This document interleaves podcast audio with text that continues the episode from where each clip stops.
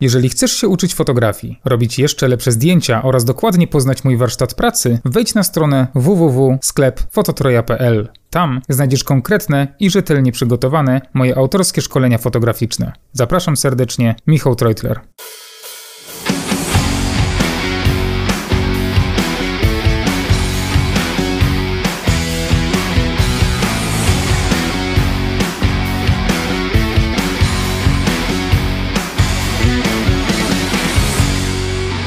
Cześć ekipa, witam Was w drugim odcinku podcastu fotograficznego Dwa źródła światła, w którym ja, czyli Michał Treutler oraz Bartek Ormanty dyskutujemy o fotografii. W tym odcinku rozmawiać będziemy o stronie internetowej dla fotografa, a małe podsumowanie poprzedniego odcinka zrobi Bartek. Tak. Dlaczego będziemy rozmawiać o stronie internetowej? No dlatego, że w poprzednim odcinku e, rozmawialiśmy o tym, że i doszliśmy do takiego wniosku nawet, że najlepszym e, sposobem na pokazanie portfolio fotografa jest e, strona internetowa.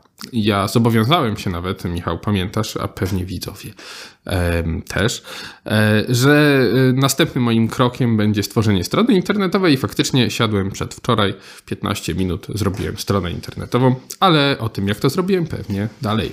Dokładnie. 15 minut?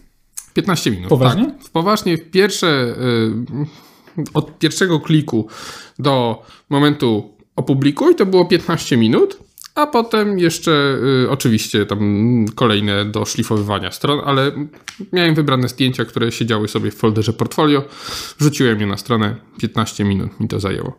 Czy nie było to jakieś bardzo skomplikowane? tak, to oczywiście taki styk też szkielet z tej strony, ale 15 mhm. minut. Dobra, no to cieszy mnie to, bo budowałeś portfolio fotograficzne w oparciu między innymi o tę wiedzę, którą przekazaliśmy w pierwszym odcinku, a także o swoje doświadczenie oraz przemyślenia oraz cel, do kogo chcesz, by to portfolio trafiło. Więc w jaki sposób zacząłeś budować Twoją stronę? Co według Ciebie e, chciałeś, by się na niej znalazło i dlaczego? Pierwszym e, krokiem, jaki zrobiłem do budowania strony, było stwierdzenie, że musi być ta strona po prostu szybka. W sensie takim, że muszę ją zrobić jak najszybciej i mieć z tego, mieć to odfajkowane na moim to-do list. Więc stwierdziłem, że naj Prostszym rozwiązaniem będzie to, co mi oferuje Adobe, bo e, pewnie wielu z Was wie, a może część Was nie, że oprócz tego, że mm, posiadając Adobe CC, ten pakiet e, fotografa, jest tam coś takiego, co się nazywa Adobe Portfolio. To jest usługa, w której hostuje się właśnie u Adobe stronę E, oczywiście, jak kończymy pakiet Adobe, to się wyłącza ten e, Adobe Portfolio. W sensie Czyli to mamy tak jakby w cenie tego pakietu, tak, który mamy wykupiony. Dokładnie, dokładnie. I tam z tego co pamiętam jest chyba pięć stron nawet. W sensie nie to musimy, jest bardzo fajne rozwiązanie. Nie musimy, nie musimy tworzyć jednej strony, tak jak rozmawialiśmy w poprzednim odcinku, że y, tych stron musi być kilka. To nie musimy tutaj tworzyć jednej strony, która będzie naszym ogólnym portfolio, tylko możemy sprofilować te strony pod kątem, pod kątem naszego odbiorcy. E, na początku, w sensie nie wchodziłem głębiej, ale chciałem to zrobić właśnie szybko. To mamy bodajże 6 czy 9 schematów stron na podstawie których możemy budować, są bardzo fajne, minimalistyczne e, i są, jest to chyba właśnie 9, 9 e, motywów. Plus do tego są jeszcze landing page i tego akurat muszę Ci się przyznać, że nie sprawdzałem jak wygląda, ale landing page są oddzielnym, oddzielną kategorią e, stron. Czyli nie tylko portfoliowe, ale też takie mm, typowo zbierające, agregujące te zapytania. Też możemy tam zrobić te strony. Mhm. A te 9 layoutów, które masz podstawowe, one były wystarczające, czy uważasz, że mogłoby być ich więcej?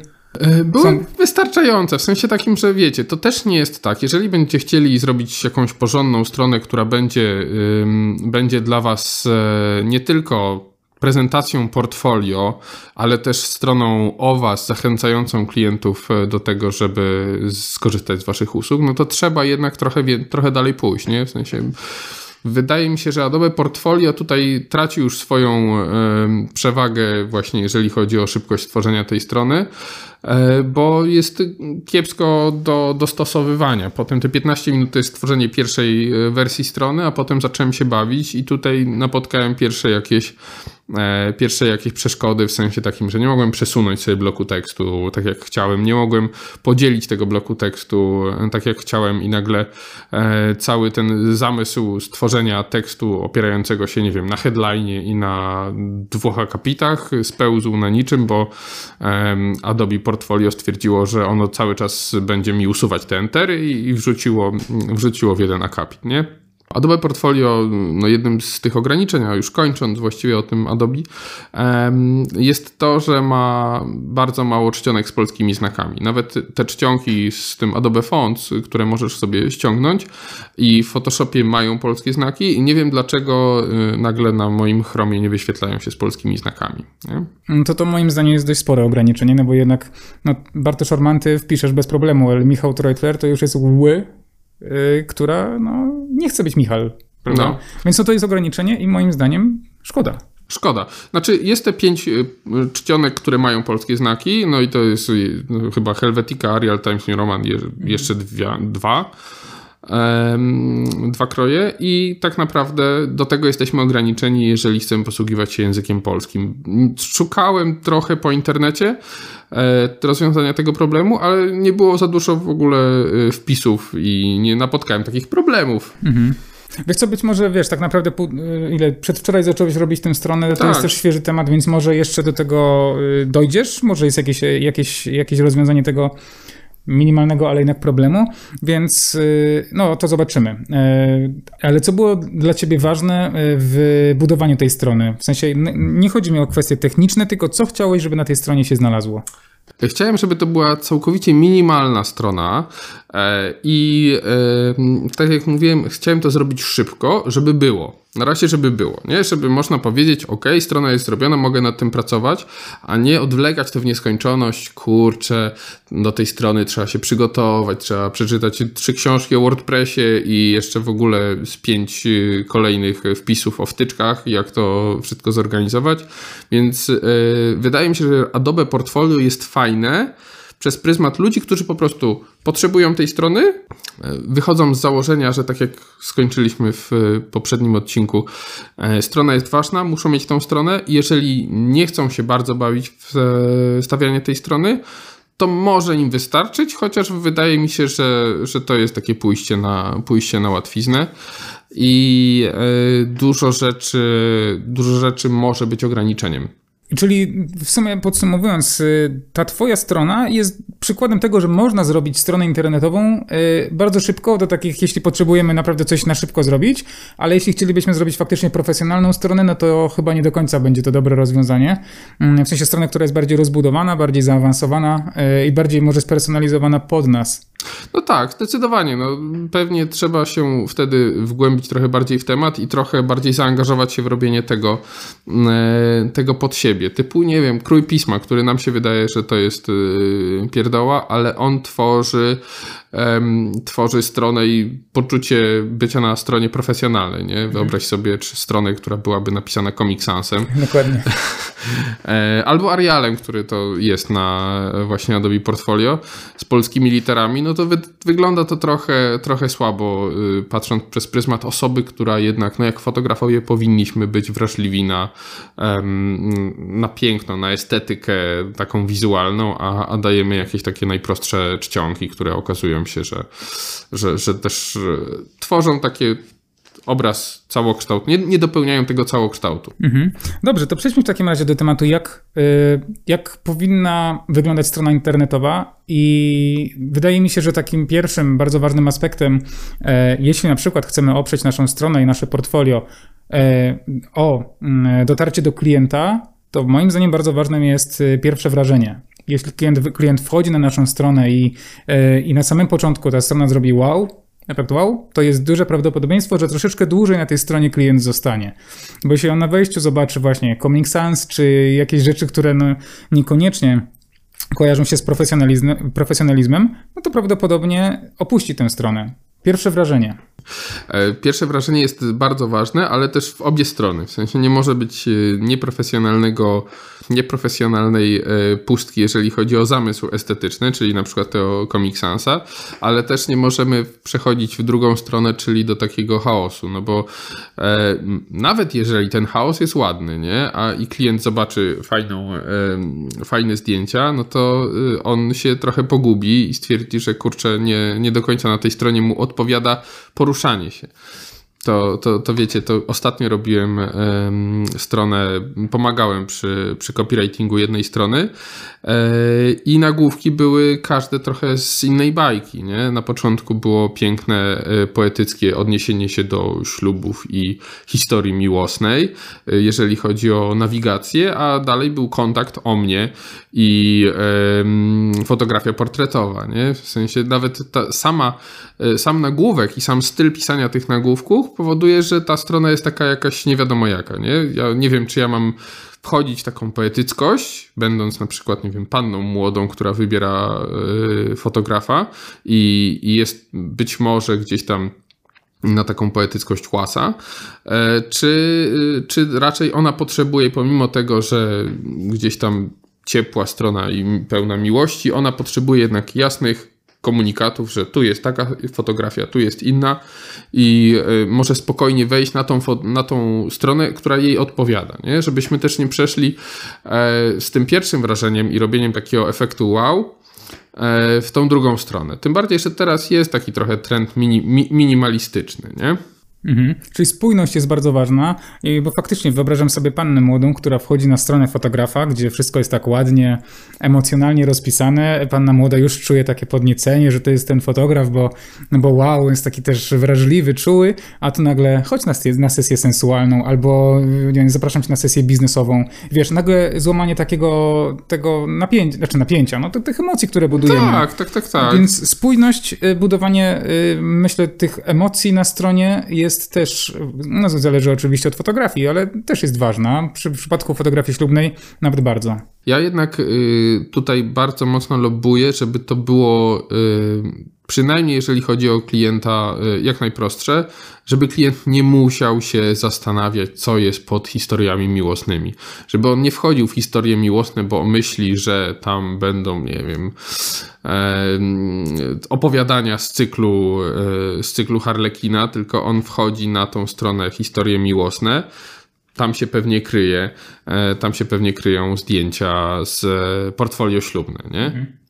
Ale klient nie musi tego wiedzieć. Nie wszyscy muszą to wiedzieć, dlatego ja osobiście bardzo lobbuję za tym, żeby to było w takiej warstwie informacyjnej, jak najprostsze, w warstwie estetycznej, no to tu możemy właśnie grać tym, tą atmosferą, grać tym sposobem dotarcia do klienta i tym, jaki ten klient nasz jest. Tak jest. Atmosfera, atmosferę strony możemy zbudować nawet e, kolejny raz spójnością zdjęć z samym layoutem strony. Ja na przykład, gdy robiłem swoją stronę e, michałtroitler.pl, gdzie ona miała być poświęcona głównie fotografii fine artowej, taka moja wirtualna galeria, stwierdziłem, że layout strony, cały wygląd musi być również w brązach, bo moje zdjęcia były w brązach. I dzięki temu tak naprawdę to wszystko ze sobą było spójne. Gdybym dał, nie wiem, różową, niebieską stronę, no zupełnie by to do, nie pasowało. I wydaje mi się, że e, pierwsze wrażenie, czyli pierwsze takie spojrzenie klienta, które widzi e, jakaś osoba na naszej stronie, to spójność jest moim zdaniem takim czymś, co może nam pomóc w zbudowaniu dobrego pierwszego wrażenia. Spójność layoutu z z mm, estetyką zdjęć. Z estetyką zdjęć. Na pewno. Na pewno w takim kontekście, że y, no tutaj pewnie wchodzimy w jakąś teorię kolorów, kolorów dopełniających się, żeby, żeby te kolory, właśnie ta nasza kolorystyka zdjęć nie gryzła się, nie wiem, z tłem, czy nie gryzła się z fontami, bo jeżeli bym zobaczył u ciebie jakiś taki stricte biznesowy, y, biznesową czcionkę, bezszeryfową, to sobie bym pomyślał, a tutaj taka y, tutaj tak, tak mi pisze, a tutaj takie zdjęcia właśnie w takiej fine artowej, fine, fine artowej otoczce tworzy. I spójność jest bardzo, bardzo ważna przy takim pierwszym wrażeniu. No, tylko jeszcze musimy zrobić to drugie, nie? wrażenie. I tu jest pytanie, jak y, zbudować stronę, która robi jeszcze dobre drugie wrażenie, a właściwie kieruje już do tego, co my chcemy osiągnąć przez tą stronę, nie? Mhm. Bo to zależy właśnie, znowu wracamy do, do naszych oczekiwań co do tego, jak, e, jak ta strona powinna działać. Mhm. Czy twoim zdaniem tutaj ważne są... Yy... No właśnie, czy to drugie wrażenie możemy budować zdjęciami, czy już wchodzimy w bardziej taką sferę, bym powiedział, zaufania? Nie wiem, jak Myślę, że no, zdjęciami na pewno. W sensie zdjęciami musimy zbudować y, chyba nawet pierwsze wrażenie. E, spójnością i zdjęciami to pierwsze wrażenie powinniśmy już sobie wyrobić u klienta. Drugie wrażenie jest takie, że mamy jakąś stałość pracy i ten ja, my jako fotograf będziemy odpowiedzialni za to, co się będzie działo, nie? W sensie mhm. takim, że e, nie zawsze, e, nie zawsze strona o mnie na przykład jest dobrze zagospodarowana, bo mhm. są piękne zdjęcia, ale kiedy przychodzi co do czego i chce się dowiedzieć o tym, kto będzie robił mi zdjęcia, to ja tak naprawdę nie wiem o o, o, o nim nic więcej, ponad to, że mhm. chodzić po górach, y, dobrą muzykę i y, wakacje na Costa Brava. Mhm. E, a tak naprawdę to nie pozwala klientowi mm, odnieść takiego wrażenia, jakie, jakie powinno dać zakładka o mnie. Mhm. Ja wydaje, wydaje mi się z mojego punktu widzenia, że gdybym postawił się w roli klienta, to y, wydaje mi się, że pierwsze wrażenie zrobiłoby na mnie e, spójność strony spójność właśnie z estetyką zdjęć, z fontami e, i takie ogólne, po prostu wizualne, e, nawet nie mówię o zdjęciach samych. Zdjęcia Oczywiście jako pierwsze wrażenie są ważne, ale drugie wrażenie to jest właśnie wtedy, kiedy klient mm, zrozumie już, o, mamy do czynienia z profesjonalistą, robi ładne zdjęcia, przyjrzyjmy się tym zdjęciom. I w momencie, kiedy już nam się, jemu się podoba i strona, i spójność, i zdjęcia, właśnie wchodzi ten kolejny etap, czyli o mnie. Kim jest fotograf? No, kim jest fotograf, ale nie z takiego punktu widzenia, kim ja jestem jako ja, bo jestem fajny i robię ładne zdjęcia, bo tak naprawdę każdy może to napisać i każdy, i to jest już taka ślepota, tak jak jest y, baneroza, czyli ma, jesteśmy ślepi na banery na stronie internetowej, to jak wejdziemy na stronę internetową, która mówi o mnie w znaczeniu jestem fajny, no to też jest taka ślepota y, właśnie, y, jeżeli chodzi o warstwę tekstową. Nie? My już, o dobra, to ja już wiem, co tu jest, to wychodzę, nie? To, to też jest fajna rzecz, żeby się trochę wyróżnić i trochę zbudować kontakt z klientem, no bo wchodząc klient y, tak naprawdę na stronę internetową ma tylko pojedynczy, w sensie to jest kierunek do, nie? On, my nie możemy mu odpowiedzieć. Mm, jak on wchodzi. Nie możemy tej relacji, którą on rozpoczyna stroną internetową, e, pójść w drugą stronę. Więc wydaje mi się, że strona o mnie powinna być pisana też z perspektywy klienta i e, taka, żeby mógł klient się poczuć trochę zaangażowany, znaczy zaopiekowany i być pewnym tego, że będzie zaopiekowany na sesji. E, I inaczej, inaczej podejdziemy na przykład do, mm, e, do tekstu, który jest napisany robię ładne zdjęcia biznesowe, a inaczej robię zdjęcia, które pomogą ci osiągnąć sukces w pracy. Bo to jest już perspektywa klienta, inaczej postrzegamy inaczej postrzegamy taką osobę, która wie, czego my chcemy. Bo my nawet nie musimy, jako klient, e, ja nie muszę wiedzieć, czego ja chcę i po co mi są te ładne zdjęcia, a on już z doświadczenia e, może wiedzieć. Wydaje mi się, że zarówno ja, jak i wielu fotografów, nie tylko początkujących, mo może mieć problem właśnie z napisaniem czegoś o sobie w zakładce o mnie, bo o sobie bardzo ciężko się mówi, tym bardziej jeśli musimy to puścić na tak publiczne tory.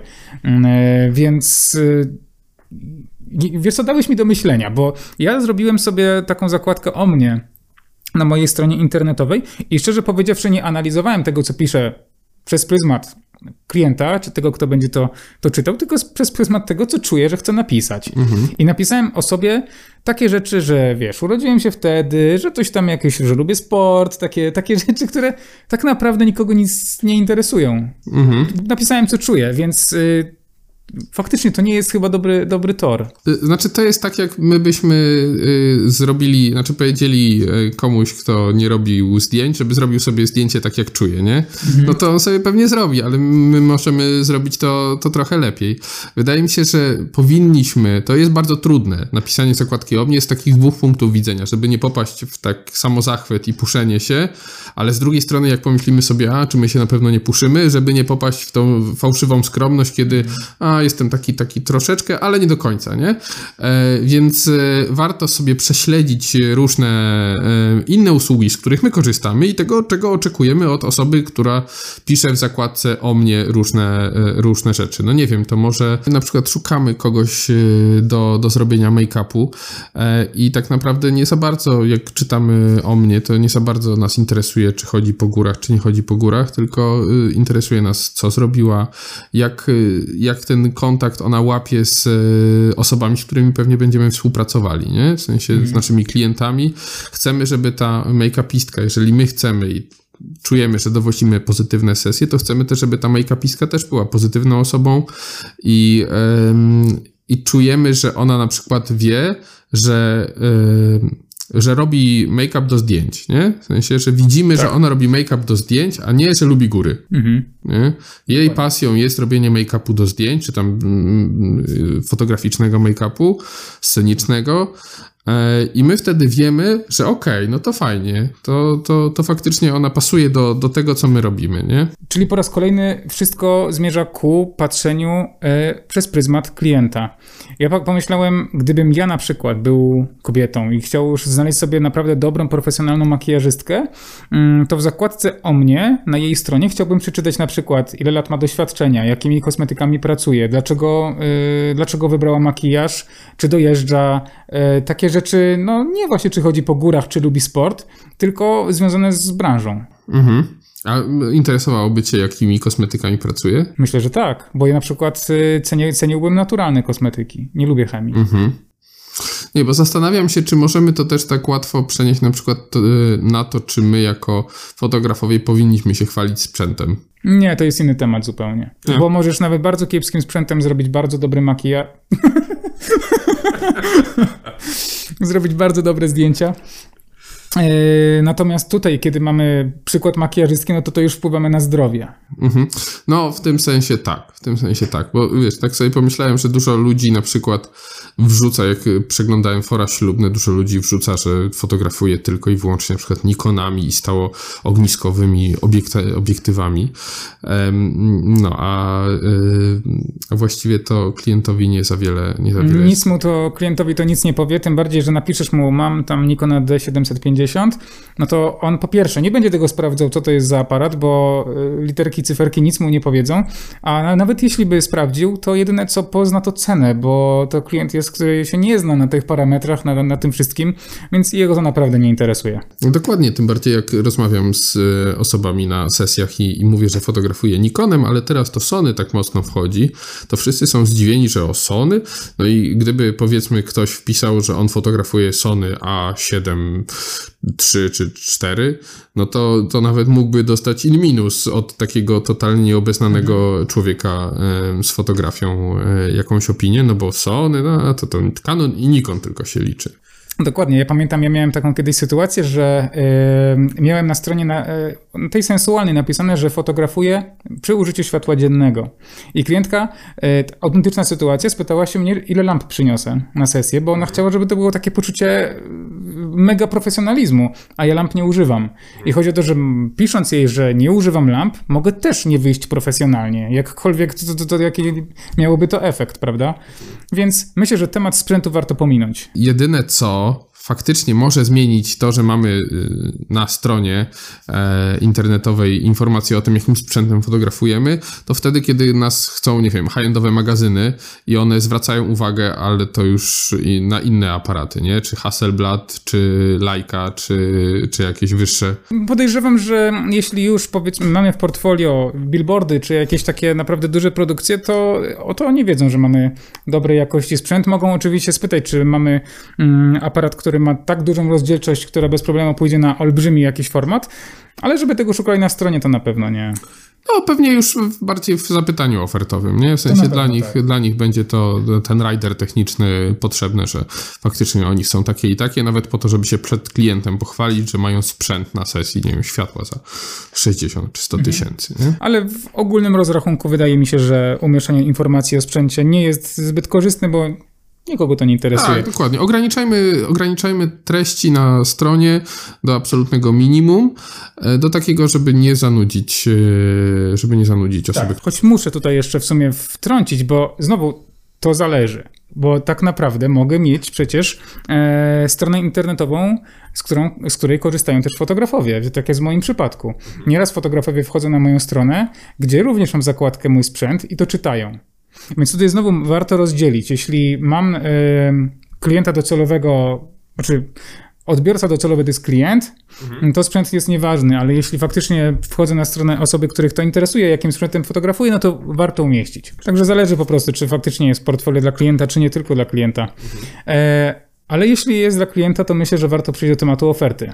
Czy warto, czy nie warto umieszczać oferty na stronie internetowej? Hmm, to jest bardzo dobre pytanie. Wydaje mi się, że e, taka pierwsza myśl, jaka dla fotografów e, się nasuwa, to to, że nie warto. Nie? W sensie, że to no, dlaczego? nigdy. Dlaczego nie, Twoim zdaniem? Dlaczego tak się może ludziom wydawać, dlaczego nie? Bo naprawa sprzęgła w e, Mercedesie W124 pewnie zawsze będzie dokładnie taka sama. Więc mechanik może uznać, że może wpisać w cennik naprawę tego sprzęgła sprzęgła. A zdjęcia nigdy nie będą takie same. Inne będą wymagania, inne będą um, ilość nakładu pracy, która będzie, um, będzie potrzebna do zrobienia danej sesji zdjęciowej, dlatego nie.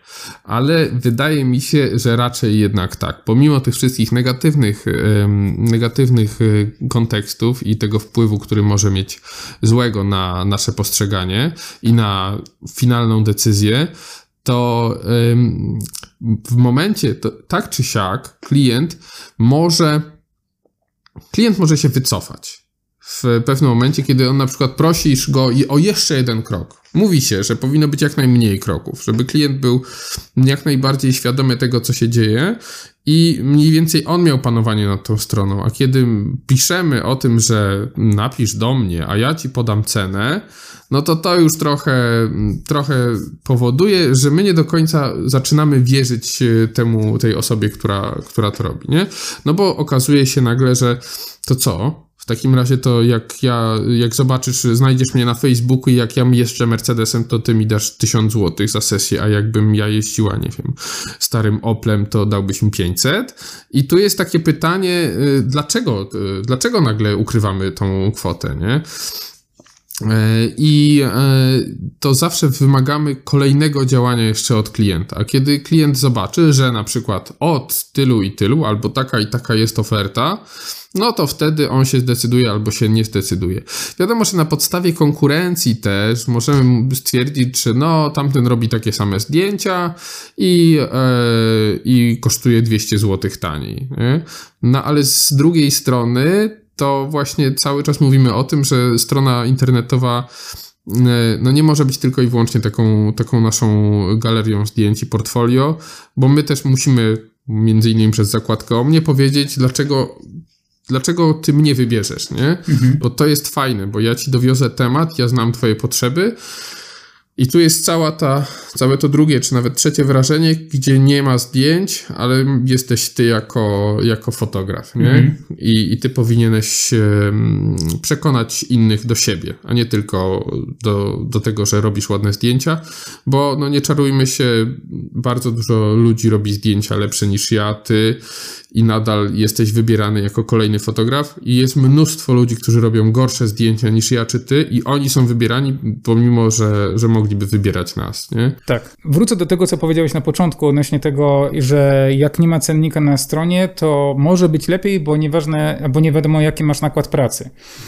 Z jednej strony może i tak, ale z drugiej strony nie, bo jeśli na przykład mamy ofertę na stronie internetowej i zdjęcia, które celujemy konkretne zdjęcia na konkretnego klienta, no to robimy konkretne zdjęcia i wiemy, wiemy mniej więcej, ile nas to pracy będzie kosztowało i możemy mieć stały mniej więcej cennik. Oczywiście on się może różnić, na przykład, bo musimy dojechać parę kilometrów dalej, to musimy doliczyć to. Może nie chcemy makijażu albo po prostu no jakieś różne takie składowe, które można y, modyfikować już przy kontakcie z klientem. Wydaje mi się, że tak jak później powiedziałeś, że ta szczerość do klienta, czyli pokazanie, ile kosztują moje, mm, moje usługi, y, to jest dobre rozwiązanie. Bo ja wiem, że jest szkoła marketingu, która ci mówi, y, nie umieszczaj cen, zmuś klienta do kontaktu. Ale wydaje mi się, że to nie działa tak do końca, bo większość klientów zdecydowanie nie będzie im się chciało, albo mogą się stresować, nie wiem, zadzwonić, czy napisać to jeszcze, ale mogą po prostu nie wykonać tego, tego ruchu i nie, nie napisać i stracisz klienta. A w sytuacji, kiedy e, pokażesz swoje ceny, po pierwsze, Wiadomo, ile zapłaci klient. Ja, jakbym był na czyjej stronie, chciałbym wiedzieć, ile ktoś e, liczy sobie za swoje usługi. Plus to jest taki też mm, trochę inny temat, ale wysokością swojej kwoty za y, ceny za zdjęcia możesz też budować swoją y, markę. markę. No bo jeśli będziesz miał bardzo niskie kwoty, no to ktoś może cię potraktować zupełnie inaczej, niż jakbyś miał powiedzmy pięciocyfrowe, mhm. wiesz, kwoty, więc od razu, uuu, no to to już jest chyba ktoś bardzo profesjonalny, chyba ktoś dobry, skoro ma takie drogie usługi. Tak, no tu jest to, y, to przeświadczenie, bardzo często prawdziwe, ale nie zawsze, że cena równa się jakość. No, niemniej jednak bardzo dużo ludzi, żeby nie wgłębiać się w, w jakieś tajniki zawodu, no, wychodzi z takiego założenia, nie? że okej, okay, ja wolę zapłacić 500 zł drożej, ale być pewnym efektów. Nie? Ja się sam na tym łapię, powiem ci, że ja wiem, że tak to działa, że cena nie powinna być wyznacznikiem jakości, ale jednak jak mam sobie kupić, nie wiem, spodnie za 120 zł, a powiedzmy znalazłem w jakimś robanie za 15, no to jednak nie kupię tych spodni, bo, bo poczuję, że one są gorsze. A fakt jest taki, że one mogą być dużo lepsze jakościowo. No, dokładnie. E, dlatego, nie no, cena powinna być z tego względu, że y, zobacz ile ile razy ty na przykład wycofałeś się z jakiejś usługi, bo nie znałeś cen, no to chodź, to ci powiem, ile to kosztuje, nie? Mhm. E, być może ty nawet skorzystałbyś z tej usługi. W sensie, gdyby ktoś wyszedł z tego całkowicie szczerze i powiedział, ok, to kosztuje od 500 zł, najtańszy pakiet, ale tam zależy od tego, co sobie zawrzesz, no to wtedy ty myślisz sobie, ok, 500 zł, czy ja mam 500 zł? Może mam, może nie mam. To jest tak jak, jak zawołanie do wszystkich, hej, mam coś na sprzedaż, nie? E, no to wtedy mogą ci się zlecieć wszyscy ludzie, ale ty musisz skierować do osób, które będą zainteresowane. I, i my tracimy, być może zyskujemy kilku klientów niby zaangażowanych, bo już ci to są tak zaangażowani, że nawet maila napiszą, a być może tracimy wielu klientów, którzy nie muszą być tak zaangażowani, ale byliby naszymi klientami, bo dalibyśmy coś więcej od siebie. Nie? Czyli właśnie to, to pokazanie, że my mamy takie ceny. Jeżeli chcesz, to przyjdź. Jest, jest to wtedy szczera taka transakcja. Nie, że chodź, powiem ci na ucho, ile to kosztuje. Nie? Mhm. I wydaje mi się też, że w pewien sposób, da, dając ofertę na stronę, możemy zaoszczędzić też, zaoszczędzić też swój czas. Bo możemy, może to źle zabrzmi, ale zrobić odsiew klientów, którzy faktycznie nie są, nie należą, nie należą do naszej grupy docelowej. Jeśli powiedzmy moje ceny, które mam na stronie internetowej nie są w zasięgu powiedzmy pani Y i jeśli ona by nie wiedziała, to ja będę marnował tak naprawdę swój czas na wytłumaczenie jej, ile to kosztuje, a ona i tak z tego nie skorzysta. A Jeszcze sytuacji... dostanie y, dwa, y, znaczy ty dostaniesz dwa maile, a może pan jednak spuścił, bo potrzebuje. Tak. Y, moim zdaniem y, oferta na stronie to jest bardzo dobre rozwiązanie. Mm, nie widzę chyba minusów y, takiego rozwiązania, ale tutaj jeszcze taki temat mi przyszedł na myśl. Czy twoim zdaniem opłaca się tworzyć pakiety? Wydaje mi się, że się opłaca, bo ludzie ludzie chcą wiedzieć, jakie są progi, nie? na co sobie mogą pozwolić. E, I tak naprawdę no, musimy też patrzeć z perspektywy klienta, tego jak on chce, jak on chce być poinformowany. O, bo coraz więcej jest świadomych klientów i to, że my nie zawrzemy na stronie internetowej albo że napiszemy, że taki pakiet, że od 500 zł na przykład, to to nie jest problemem dla niego, żeby on wszedł na Google i sprawdził, ile to kosztuje. No tylko, że my już stracimy gościa, bo wyjdzie z naszej strony, yy, będzie szukał na Google, więc już będzie szukał, ile to kosztuje i jak to zrobić najtaniej i tak dalej, i tak dalej. Więc mamy tu też takie dodatkowe negatywne smaczki, mówiące o tym, że warto jednak tworzyć i pokazywać te oferty, tym bardziej, że często ludzie wybierają środkową ofertę, nie? Jak mamy nieparzyste liczby ofert, to patrzą sobie, o, ta najtańsza to hmm, chyba nie, to, to, to dla biedaków. cudzysłowie oczywiście.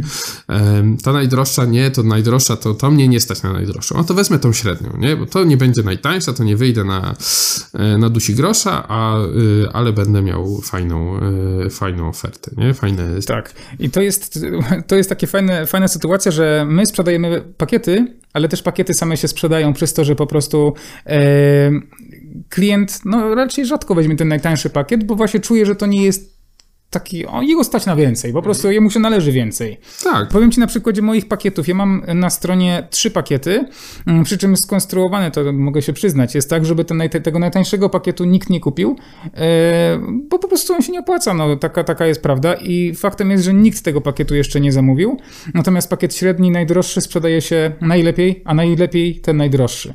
Dlatego, że na przykład, kiedy ja e, sprzedaję fotografię mm, e, sensualną i jest to produkt no, premium tak naprawdę, mhm.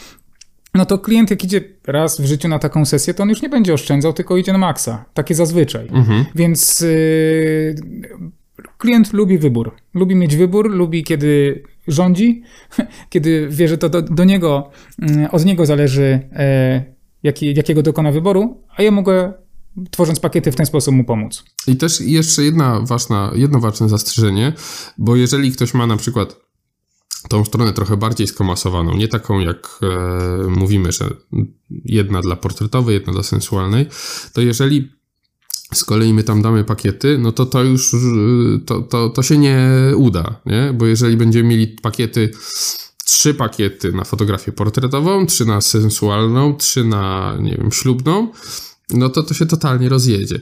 A jeżeli z kolei to podzielimy e, gdzieś tam, że ta, takie są nasze ceny, wejść w nasze ceny portretowe, takie są pakiety, no to z kolei jest strasznie straszny chaos na stronie, nie? Więc yy, no nadal chyba dobrze byłoby zrobić oddzielną stronę. Yy. A ja miałem nawet taki chwilowy okres, że miałem w ofercie na mojej stronie sensualnej również na przykład oferty plenerowe dziecięce. Mhm. Był taki krótki okres, bo po prostu byłem ciekaw, jak to, jak to będzie działać i nie działało w ogóle. E, fakt, faktem jest, że no, strona jest pozycjonowana w ten sposób, żeby przyciągała klientki, które chcą wykonać sobie sesje zdjęciowe sensualne i ich nie interesuje, że ja robię sesje plenerowe dziecięce, więc ja to po prostu usunąłem, bo nikt z tego nie korzystał. Ok, przejdźmy teraz do tematu, e, który też mnie ciekawi. Czy twoim zdaniem warto Albo inaczej, powiedziałem w ostatnim odcinku, że e, warto tworzyć bloga na stronie internetowej, by pokazać że znamy się na fachu, że w ten sposób możemy budować swoją markę. Czy Twoim zdaniem, nie pomijając tylko fakt tego budowania swojej marki, jest sens tworzyć bloga na stronie? E, pewnie tak, ale to znowu odpowiem moją ulubioną odpowiedzią, czyli to zależy. E, I jeżeli, jeżeli mamy do, na to czas, jeżeli czujemy się, że to jest fajna rzecz dla nas i, e, i to pisanie nie sprawia nam trudności, to blog jest zawsze fajnie prowadzić, bo on dodatkowo ten content marketing działa, czyli dajemy coś jeszcze oprócz tej sesji zdjęciowej, no to dajemy informację klientce, że jeżeli nie ma make-upu, to jak się umalować, na co zwracać uwagę, jak się ubrać, jakie ubrania i tak no, niemniej jednak trzeba zwrócić uwagę też na to, że e, jeżeli nie czujemy tego, że to fajnie wychodzi, a nasze, nasz dryk pisarski skończył się na wypracowaniu w piątej klasie z języka polskiego, no to szkoda też burzyć sobie profesjonalizm strony budowanej właśnie ładnym, e, ładnym portfolio i, i całokształtem tej strony, e, no brakiem profesjonalizmu przy, przy blogu. Mhm. Ale właśnie tutaj wydaje mi się, że mm, e tak mi się wydaje. Warto stworzyć mini bloga, na którym właśnie opiszemy takie aspekty typu jak przygotować się do sesji, jak będzie wyglądała nasza współpraca i w sytuacji, kiedy nie mamy faktycznie mm, lekkiej ręki do pisania, to warto to zlecić. Tak mhm. mi się wydaje. I tutaj właśnie no, będzie to taka reklama, bo Bartek jest copywriterem i yy, nie robię tej reklamy specjalnie, ale wydaje mi się, że to faktycznie jest dobre rozwiązanie. Czasem się popisze. No czasem się popisze, ale to naprawdę jest dobre rozwiązanie, bo e, powiem wam szczerze, że e, po rozmowach właśnie z Bartkiem ja widzę, ile moja strona internetowa ma błędów tak naprawdę, a nie zdawałem sobie z nich zupełnie sprawy. I nie chodzi mi o błędy e, interpunkcyjne, czy, czy, czy literówki, czy coś, tylko po prostu z takiego podejścia czysto do klienta i e, napisanie właśnie kilku słów, słów e, jak, e, jak się przygotować do sesji, czy coś takiego, jeśli tego nie potrafimy, to warto zlecić moim zdaniem bardzo. E, I z jednej strony budujemy dzięki temu też własny profesjonalizm. Klient wie, czego oczekuje, jeśli w ogóle będzie to czytał, bo są ludzie, tak jak mówiliśmy, leniwi, którym się nie chce, oni chcą mieć wszystko jak na tacy. E, I jest jeszcze jeden aspekt, który moim zdaniem troszeczkę e, tutaj idzie na korzyść bloga, to jest pozycjonowanie strony. Delikatnie może ją podbić w wyszukiwarkach. Mm ale też z kolejnej strony też bardziej obciąża stronę. Innym, innym takim rozwiązaniem, e, jeśli chodzi o właśnie dzielenie się wiedzą z klientem, e, to miałem taki w ogóle pomysł swego czasu, żeby zrobić moją stronę bardzo multimedialną. To znaczy, żeby na wstępie, e, jak klient wchodzi na stronę, był filmik ze mną, żeby w zakładce kontakt był filmik, w zakładce oferta był filmik, żeby klient w ten sposób poznał mnie, trochę zobaczył, jak ja mówię, jak ja się odzywam, jak to, jak, kim jestem. Mhm. I zacząłem to realizować w pewien sposób. Zrobiłem na mojej ofercie właśnie film, w którym je, e, jest dokładny opis współpracy. E, I co ciekawe, ten film ma lepsze wyświetlenia niż wpis na blogu, który kiedyś tam stworzyłem dawno temu. Mhm. Tego wpisu już praktycznie nawet nie ma zalinkowanego nigdzie, bo i tak nikt go nie czytał. E, I tak klientki, jak już sobie zamawiały sesję, to i tak wolały porozmawiać ze mną. Ale jednak ten film moim zdaniem robi dobrą robotę, bo buduje zaufanie, i klientka mniej więcej na samym początku wie, jak będzie ta współpraca wyglądała. No to jest o tyle fajne na tej twojej stronie i y, ogólnie teraz y, audio, y, przepraszam, wideo CV są modne. To jest fajne, bo my dodatkowo mamy, nie idziemy tam do kogoś nieznajomego, nie? Na sesję zdjęciową, która jest trochę stresującą jednak sytuacją. Nie idziemy do kogoś nieznajomego, ale wiemy, jak ten gość się zachowuje, jak on mówi, jak do niego się zwracać, czy on ma luz, czy raczej jednak jest wycofany i e, daje takie pole pole bezpieczeństwa dla, y, dla klientek czy y, przełamuje szybko lody i szybko pomaga y, zapozować i pozbyć się tego stresu. Także mm, wydaje mi się, że to jest bardzo dobre rozwiązanie, żeby siebie pokazywać, nie? Mhm. To nie tylko właśnie nie tylko właśnie na stronie, ale też e, jako, jako firma, żeby żyć, bo ludzie są ciekawi tym, co, e, kim jesteśmy. Mhm. W sensie ludzie przychodzą nie tylko po zdjęcia, ale też do nas. No, cała ta sytuacja fotografii. Relacja też no, jest bardzo ważna. E, dobrze, a powiedz mi Bartek, czy twoim doświadczeniem marketingowym, copywriterskim możesz podpowiedzieć, jakie błędy można zrobić, tworząc stronę internetową? Takie najczęstsze błędy? Masz jakieś? Najczęstsze błędy, no to tak, to jest to o mnie, nie? czyli e, takie bardzo stawkowe i bardzo proste, które mhm. powoduje, że, że wcale nam się nie, e, nie chce Lubię tego czytać. ruskie. Tak, dokładnie. Z drugiej strony jest to e, no, na takich typowych stronach, że robię ładne zdjęcia. E, no oczywiście ludzie mówią, że robię wspaniałe zdjęcia i fantastyczne i najlepsze kadry łapię. No to jest takie, to jest właśnie znowu ta ślepota na marketingowy język, nie? W sensie, my dobrze wiemy, no, kto napisze na stronie, robię takie sobie zdjęcia, kadry, łapię różne, e, więc e, no bez sensu to pisać. To jest marnowanie, marnowanie strony e, i, i miejsca. E, bardzo też często widzę na stronach internetowych, e, no Strony internetowe, mm, jeszcze trzeba wziąć to pod uwagę, y, portfoliowe czy, czy dla fotografów, one są specyficzne, no bo one jednak mają przyciągać głównie wzrok, nie? Tam jeżeli mówimy o kopii, to raczej mówimy o mikrokopii, czyli takich bardzo krótkich tekstach, które mają zaangażować. Zdarza się, zdarza się i to nie tylko na stronach dla fotografów, ale ogólnie jest taka ściana tekstu, nie?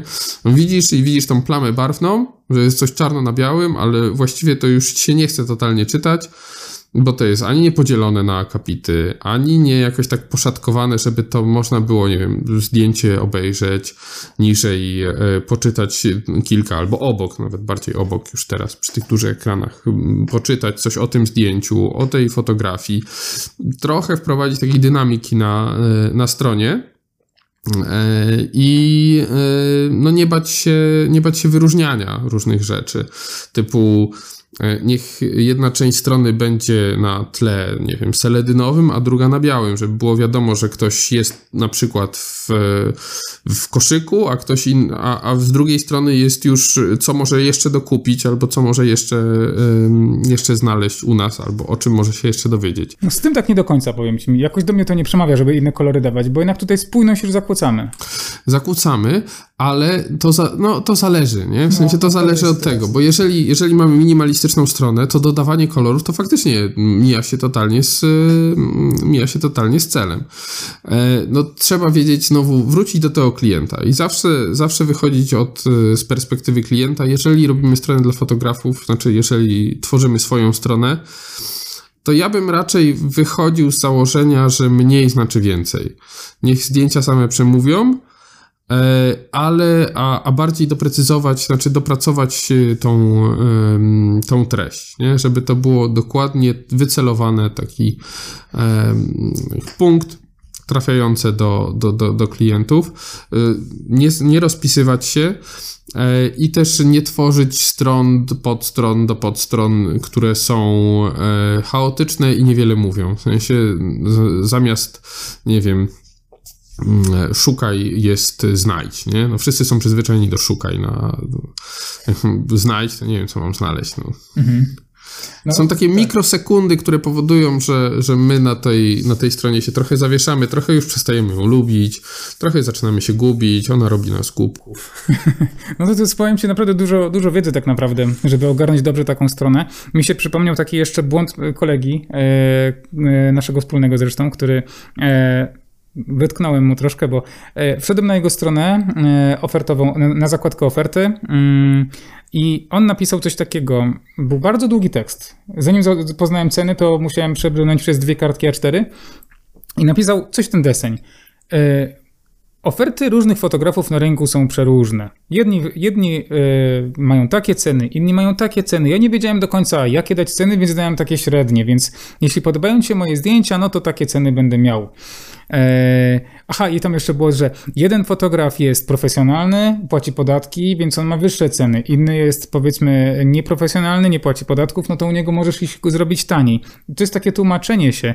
A klienta też nie interesuje, jakie są inne stawki na rynku, tylko jego interesuje, jakie skoro wchodzi w zakładkę oferta, no to ja chcę wiedzieć, ile kosztują twoje zdjęcia, a nie dlaczego. Ale z drugiej strony też, jeżeli sam nie jesteś pewien tego, o czym piszesz, to jak ma klient przyjść do ciebie i być pewnym tego, że zrobisz mu dobre zdjęcia, nie? W mhm. sensie takim, że e, jeżeli piszesz, że no, moim zdaniem robię dobre zdjęcia, albo według mnie to jest najlepsza fotografia. Nie, to odpuśćmy to, nie? W sensie wszyscy dobrze wiedzą, że to nie piszesz za cały świat, tak jak my nie mówimy za cały świat fotograficzny i, i też często yy, możemy, możemy mieć różne punkty widzenia.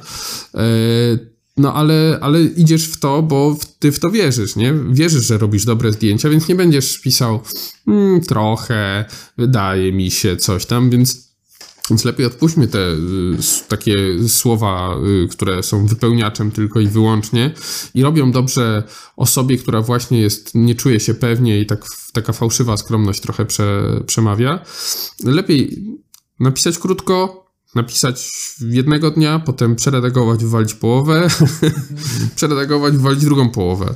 E, znaczy wywalić połowę tej połowy, niech zostanie jedna czwarta, niech to będzie takie totalne mięcho I też pisać, no tak jak y, robisz zdjęcia. Przynajmniej ja tak często robię, że robię retusz i myślę sobie, dobra, muszę odejść, muszę trochę jakieś y, oddechu złapać przed tym retuszem, bo wydaje mi się, że tutaj przesadziłem. Nie? I faktycznie no, zjeżdżają jakieś tam suwaczki z powrotem. No to dokładnie tak samo jest z tekstami. Jeżeli piszesz teksty, no to musisz sobie dać chwilę oddechu i podejść do nich z taką normalną, świeżą głową często, żeby prze, przetrawić, czy, czy to jest e, ok. I zawsze y, raczej mniej znaczy lepiej. Mhm.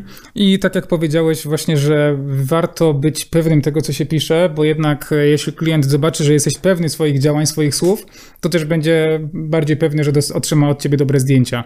A niepewność nie buduje naszej marki. No, dokładnie. Dokładnie. To jest jednym z nawet z gorszych, e, z gorszych problemów wielu fotografów, że, że jeżeli nie jesteś pewny tego, co robisz, no to po co to robisz, nie? Dokładnie. Ale tak. nie tylko fotografów, to każdego. Mhm. Dobrze, myślę, że ogarnęliśmy ten temat dość, dość solidnie. Masz coś jeszcze do dodania odnośnie takiego marketingowego podejścia do strony, czy już raczej wszystko Chyba nie, pewnie, znaczy na, pewnie udałoby się nam jeszcze zrobić ze dwa podcasty, znaczy dwa odcinki e, na ten temat, ale wydaje mi się, że, e, że chyba nie. Myślę, że Bartek dużo tutaj fajnych rzeczy powiedział. Warto je wdrażać e, w życie i wzorować się na mądrzejszych. No tak, tak. Nie słuchajcie mądrzejszych, słuchajcie swoich klientów, bo oni są e, zdecydowanie najmądrzejsi ze wszystkich i jeżeli ich będziecie słuchać i będziecie wpasowywać się w ich potrzeby, to wtedy dopiero zaczniecie działać tak, jak e, byście chcieli pewnie. I bardzo ładne podsumowanie tego odcinka. Bart, bardzo dziękuję za fajną rozmowę. Również. Wam również za obecność i widzimy się w Trzymajcie. kolejnym filmie. Cześć. Hej.